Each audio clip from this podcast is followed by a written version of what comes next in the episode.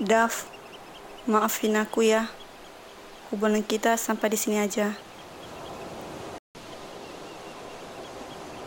Kenapa? Bukannya selama ini aku berusaha menjadi yang terbaik. Udah menuruti apa yang kamu inginkan. Aku sudah ada yang lain.